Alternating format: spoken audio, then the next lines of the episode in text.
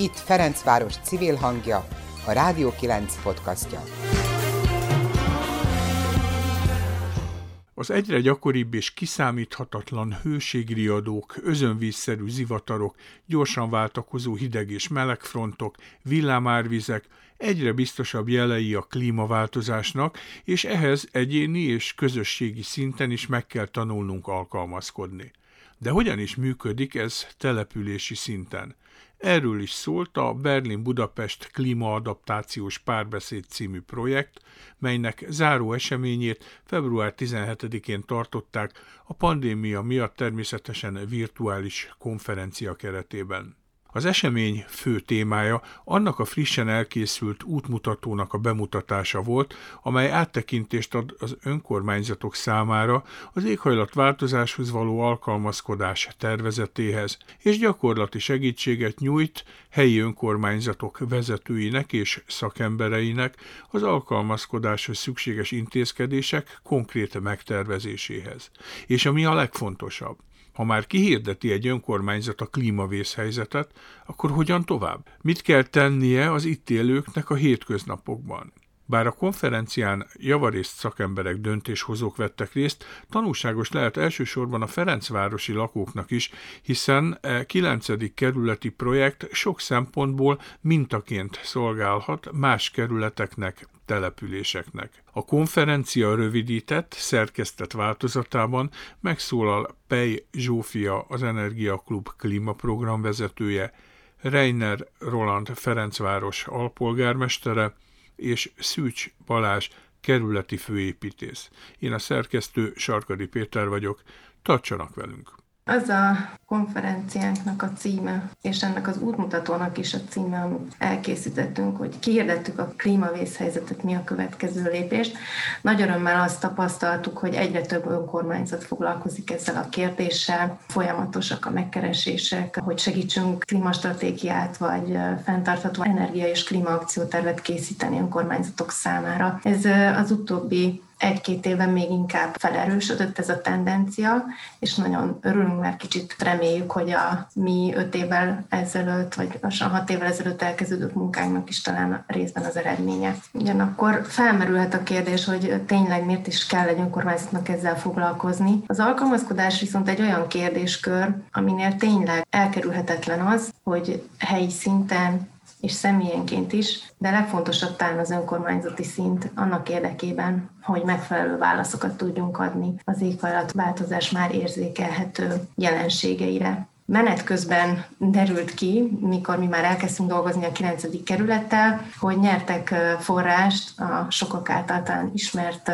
KEHOP 1-2-1-es konstrukcióban, ahol helyi klímastratégia kidolgozására és kapcsolódó szemléletformálásra van lehetőség önkormányzatok számára. Klímastratégiát kell kidolgozni, ami azt fedi le nagyjából, bemutatja, mi a helyzet, kitűzi, hogy mi a cél, hova szeretnénk eljutni, és egy picit felsorolja, de inkább csak tényleg listázza, hogy milyen intézkedési lehetőségek vannak. Ezt mi is megtettük, picit más fókusszal a saját projektünkben. A hangsúlyt mi arra helyeztük, hogy amikor ez már rendelkezésre áll, akkor hogyan lehet tovább lépni. És tulajdonképpen erre utal ez a most hogyan is lépjünk tovább konferencia elnevezés, hiszen ez az a szint, hogy klímastratégiája, vagy esetleg szekapja, lassan már tényleg elég sok önkormányzatnak van Magyarországon, de nagyon fontos, hogy ez nem egy végállapot, ez nem egy célállapot, hogy meglegyenek ezek a dokumentumok, és főleg nem szabad, hogy a fiókban végezzék. Úgyhogy a mi projektünkben arra helyezzük a hangsúlyt, hogy akkor ezután mit kell csinálni. És ennek érdekében akcióterveket készítettünk Ferencvárosnak, ami egészen konkrétan arról szól, hogy kibontja az intézkedéseket, tehát hogy mit is kellene csinálni, részletezi, hogy hogyan kellene csinálni azt a valamit, kik csinálják majd meg, mikor, és esetleg azt is, hogy hol, tehát hogyha konkrétan egy helyszínt, vagy több helyszínt érdemes meghatározni, és nem csak az önkormányzat egészéről beszélni, akkor ezt a területiséget is meghatározza. Hát az én extrákra próbálok most kitérni. Az első ilyen extra az a területi alapú adatgyűjtés, amit a helyzetelemzés minél teljesebb képének a megalkotásához használjunk. Ehhez dr. Dimoti Adél kollégánk készített egy weboldalt, minek Klímapanasz a neve, és arra való, hogy egészen pontos helymeghatározással lehetőséget ad az éghajlatváltozással összefüggésbe hozható problémák bejelentésére. Kicsit olyasmi, mint a járókelők.hu, de ez kifejezetten az éghajlatváltozásra koncentrál. Be lehet jelenteni azt, hogy pontosan hol, milyen jelenség, milyen rendszernek, milyen gyakorisággal és milyen súlyossággal okoz problémát, tehát ezek a hőség, az árvíz, a viharok, stb. Lehetőséget ad ez a felület megoldási javaslatok megfogalmazására is. A térképet odébb lehet húzni, és akár más település is tudja használni ezt a felületet, hogyha hirdeti a lakosai között, hogy ezt használják, és így információkat tud szerezni. Különleges dolog volt, hogy mikroklimatológiai modellezést is használtunk a projektben. Nagyon érdekes folyamat volt az intézkedések kiválogatása. Két workshop is foglalkozott ezzel a témával, tehát egy egészen tág intézkedés listából szűrtük ki azokat, amelyek Ferencváros számára megfelelőek lehetnek, és aztán végül is három kiválasztott intézkedéssel kapcsolatban készült el akcióterv. Mire is jó, hogyha van akcióterv?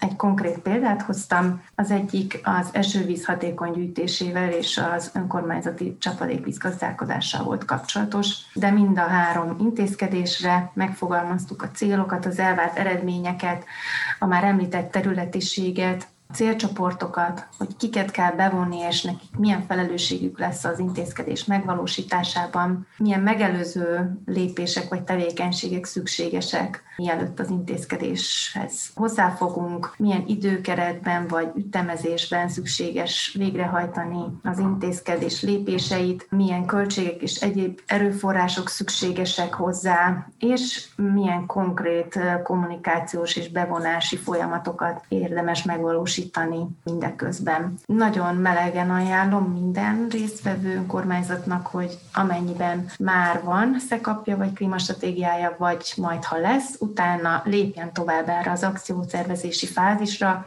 és készítse el a konkrét intézkedésekkel kapcsolatban ezeket a részletesebb terveket, hiszen enélkül azt gondolom, hogy nagyon nagy a veszélye annak, hogy nem fognak kellő ütemben megvalósulni az intézkedési tervek, tehát amiket megfogalmazott a klímastratégia. Szeretném megkérni Reiner Roland alpolgármester urat, hogy beszéljen Ferencváros tapasztalatairól. Köszöntök mindenkit. Hogyha így megnézzük, hogy ennek a projektnek mi volt az időtartama, akkor abból ugye lehetett látni, hogy ez a, az önkormányzati választások valamennyire félbevágta, vagy hát ilyen kétharmad, egyharmad arányban szétvágta ezt a projektet. Ezt azért kell elmondanom, mert én értelemszerűen az elmúlt egy évben kapcsolódtam be, tehát ha úgy tetszik, akkor a második fázis közepétől kezdve volt lehetőségem, volt szerencsém dolgozni ebben a projektben. Én két elemét emelném ki, ami nekem a legérdekesebb, meg a legizgalmasabb volt. Az egyik ez a mikroklimatikus modell, ami ugye egy konkrét térnek a viszonyait mutatta be, hő szempontból, szél, víz és egyéb hatás szempontjából. Szerintem nagyon nagyon praktikusan választották ki a projekt gazdák, ugye olyan Ferencvárosi tereket, ahol vagy a kiválasztás idején már lehetett tudni, hogy valamilyen típusú felújítás lesz, ilyen volt a Bakács tér, illetve a Mária Valéria tér, illetve a Boráros tér volt a harmadik, ahol meg ugye nem voltak még akkor reális tervek arra, hogy ebből lesz valami, de hát ez egy ilyen évtizedes történet, hogy a Boráros térrel valamit kéne kezdeni. Ez három nagyon különböző terület volt, az eredményeken is lehetett látni egyébként, hogy nagyon eltérő adottságokkal és nagyon eltérő problémákkal, lehetőségekkel problémákkal szembesülnek. Aztán végül az élet úgy hozta, hogy ebből a háromból egy olyan rész volt, amivel sokat foglalkoztunk, és aminek nagyon kézzelfogható gyakorlati haszna is lett, ez ugye a Bakács tér, hiszen ez az a térközpályázatunk, ami már a 2019 októberében is egy olyan állapotban volt, hogy akár kivitelezésre is lehetett volna kírni. Ám de részben a tervek bizonyos problémái, amit egyébként ez a vizsgálat is megerősített. Ha valaki ismeri a bakásteret, akkor tudja, hogy a templom előtti rész az egy ilyen hőkatlanná válik gyakorlatilag nyáron, tehát ez mindenképp egy ilyen kezelendő probléma volt. És végül úgy döntöttünk, hogy a térnek ezt a részét egy közösségi tervezés alá vonjuk, hogy nézzük meg, hogy mit lehetne mégis ebből a térből kihozni. aminek végül is az lett az eredménye, hogy az eredeti tervekhez képest, ami alapvetően egy ilyen dísztér funkciót jelentett volna egy nagy szökőkuttal, ehelyett mondjuk jelentősen megnőtt a zöld felületnek a mértéke, illetve a jellege. Nekem például az egy nagyon érdekes dolog lesz, hogyha lesz erre lehetőség 2022 tavaszán, vagy tavasza után, mire ez a beruházás megvalósul, hogy mondjuk utána megnézni, hogy ténylegesen mennyit változott ez a tér illetve a térnek a mikroklímája. A másik legérdekesebb dolog ebben az elmúlt egy évben, ez az a workshop volt, ahol végül is kiválogattuk ezt a három olyan területet, amire ezek a részletes akciótervek elkészültek. Itt igazából már önmagában az a, az első fél óra, ami alatt mondjuk azt mondtam, a 30-40 intézkedést bemutattatok, már az önmagában egy inspiráló. Tehát ha ott véget lért volna a nap, már akkor is hasznos lett volna. Ami nekem még különösen izgalmas volt, hogy úgy nézett ki maga a, a folyamat, hogy voltak különböző különböző kategóriák, azokon belül voltak intézkedési lehetőségek, és ezek közül az ott résztvevő 20-30 ember választotta ki, hogy melyiket tartja a leginkább fontosnak, és akkor amelyik a legtöbbet kapta, azok lettek a kategória győztesek, azok lettek kifejtve. Én voltam az egyetlen, aki képviselőként, illetve döntéshozóként szerepelt ezen a fórumon, és azt láttam, hogy nagyon sokszor a úgynevezett szakértői civil gondolatok, azok így kicsit másfele mennek, mint amit én gondoltam, aminek igazából jellemzően az volt az oka, hogy én azokat az intézkedéseket választottam, vagy azokra szavaztam, amire úgy őszintén kíváncsi voltam, hogy ha ezek nyernének, akkor ezeket a gyakorlatban hogy tudnánk megnézni, ami azzal járt, hogy jellemzően ezek a kisebb hatású, viszont az önkormányzat szempontból relevánsabb megvalósítható dolgok voltak,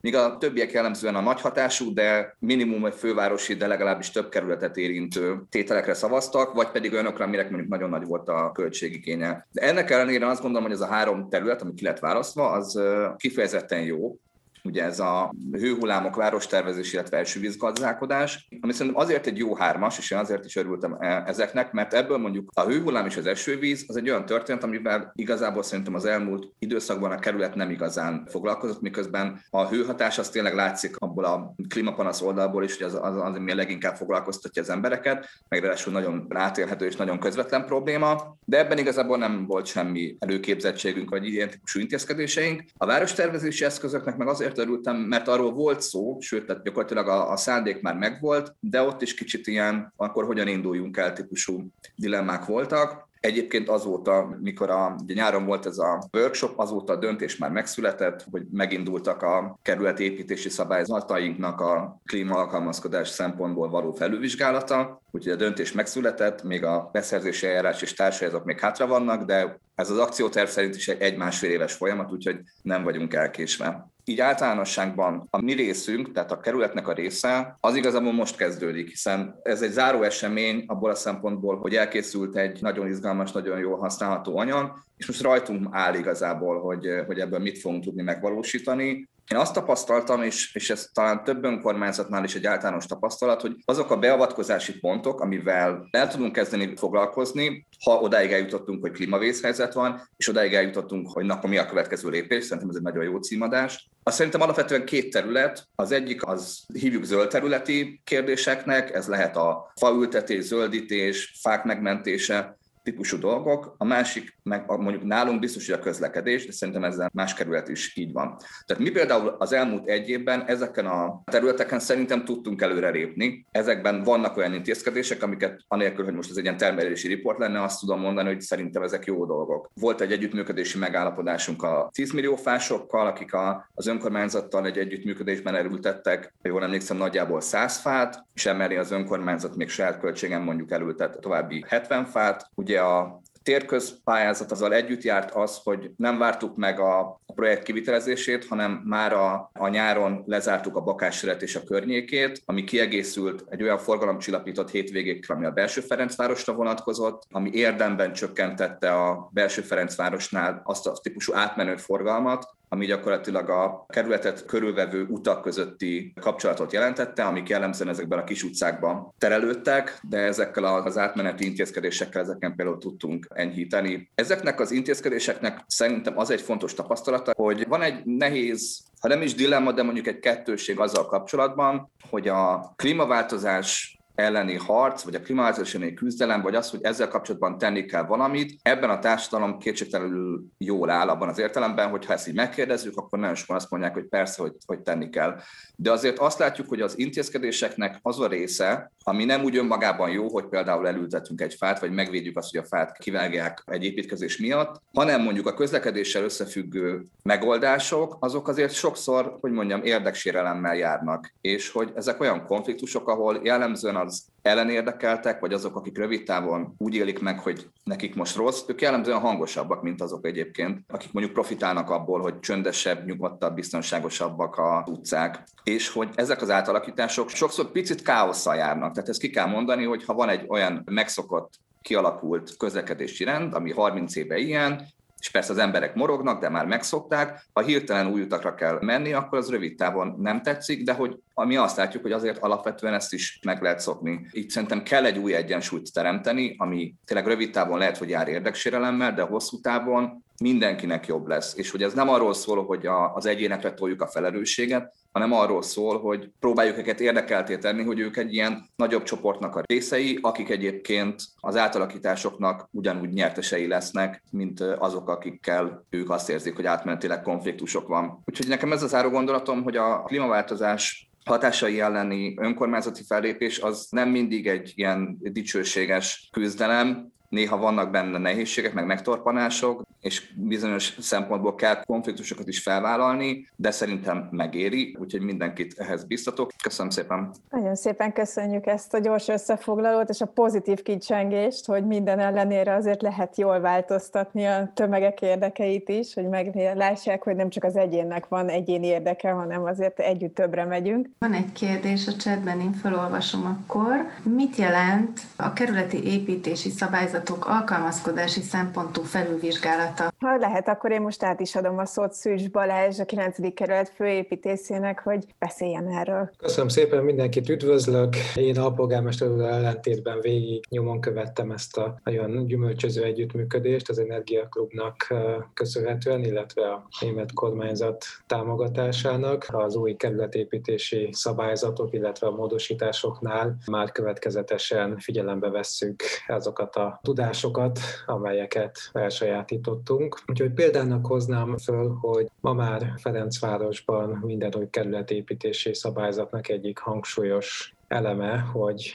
hogyan tudjuk megóvni a hősziget hatástól a városunkat, úgyhogy minél nagyobb zöld felületeket irányoz elő az új szabályozási terv, nem csak a föld szintjén, hanem a függőleges felületekkel, illetve a legfelső lapos tetőkön, úgyhogy ilyetén módon mind az építési szabályzatunk, mind pedig a soron következő településképi rendeletünk tartalmazza már különböző területpontásokban azt a kötelezettséget, hogy Ferencvárosban új lapos tetős épület már csak extenzív zöldtetővel épülhet, amelyre összhangzat találtunk a csatornázási műveknél, hiszen a egyre gyakrabbá váló nyári zivataroknál a csatornarendszereink hihetetlenül túl vannak terhelve, és egy pufferzónaként az új épületek tetején kialakított zöldtetők nagy segítségre vannak abban, hogy elosszák ezt a hitelen jött csapadékmennyiséget, és ne okozzanak, ahogy a polgármester úr is mondta, nem a társadalomban, de a technikában, a technológiában káoszt. Úgyhogy ezt a káosz megelőzést tűzte ki célul elsősorban ez az intézkedésünk, de más olyan elemek is, mint például a parkoló helyeknél a elektromos autótöltők, bár ugyan az országos szabályzat tartalmaz erre vonatkozó részeket, de nálunk még szigorúbb előírások kerültek a legutóbbi módosítások be, így például elektromos töltőt kell minden tizedik parkolóhely után létesíteni már Ferencváros egyes területein, ami szintén jó irány arra, hogy ha már az autóktól véglegesen sose tudunk megszabadulni, de legalább a villanyautózást minél előterjesebben támogassuk Ferencvárosban. A következő elem pedig a közműveknek a, a helyzete. Szeretnénk saját közműnek tekinteni a fasorokat, és olyan előírásokat hozni, hogy egy-egy sáv felszabaduljon a fák telepítésére,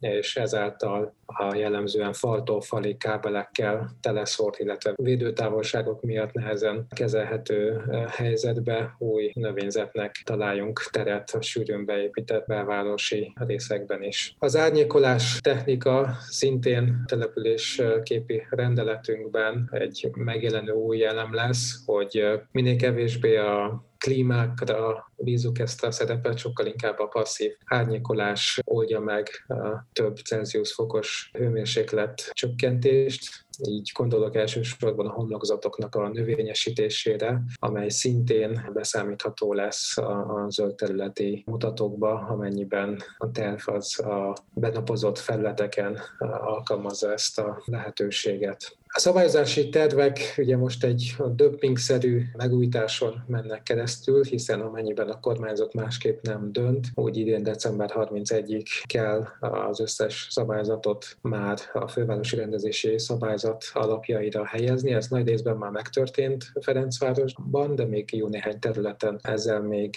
adósak maradtunk de annak köszönhetően, hogy már vannak olyan területeink, ahol például az új Dunahíd épül, ezért ezen a területen is hatványozottan fogjuk érvényesíteni ezeket a gondolatokat. A Bakács tér olyan hátványtelv, ami jól illusztrálja azt, hogy gyakorlatilag a térnek több mint a fele az zölddel beépített, illetve a közművek szűkítésével valódi faültetésekre is sor fog kerülni. Várhatóan már a idén tavasszal elkezdődő munkálatokkal. A korábbi tervekben ez egy teljesen lebudkolt felület lett volna, amely abszolút a rendezvényeknek adott teret, és hát a társadalmi egyeztetések során viszont kiderült, hogy azok a rendezvények, amelyek itt évente csak néhány napot vesznek igény, igénybe. Sokkal nagyobb hangsúlyt kell helyezni az évnek körülbelül inkább arra 300 napjára, amikor nincsen rendezvény a téren, és sokkal inkább az emberek a pihenést és a kikapcsolódást szeretnék elérni, de ennek ellenére megtartotta a terv azokat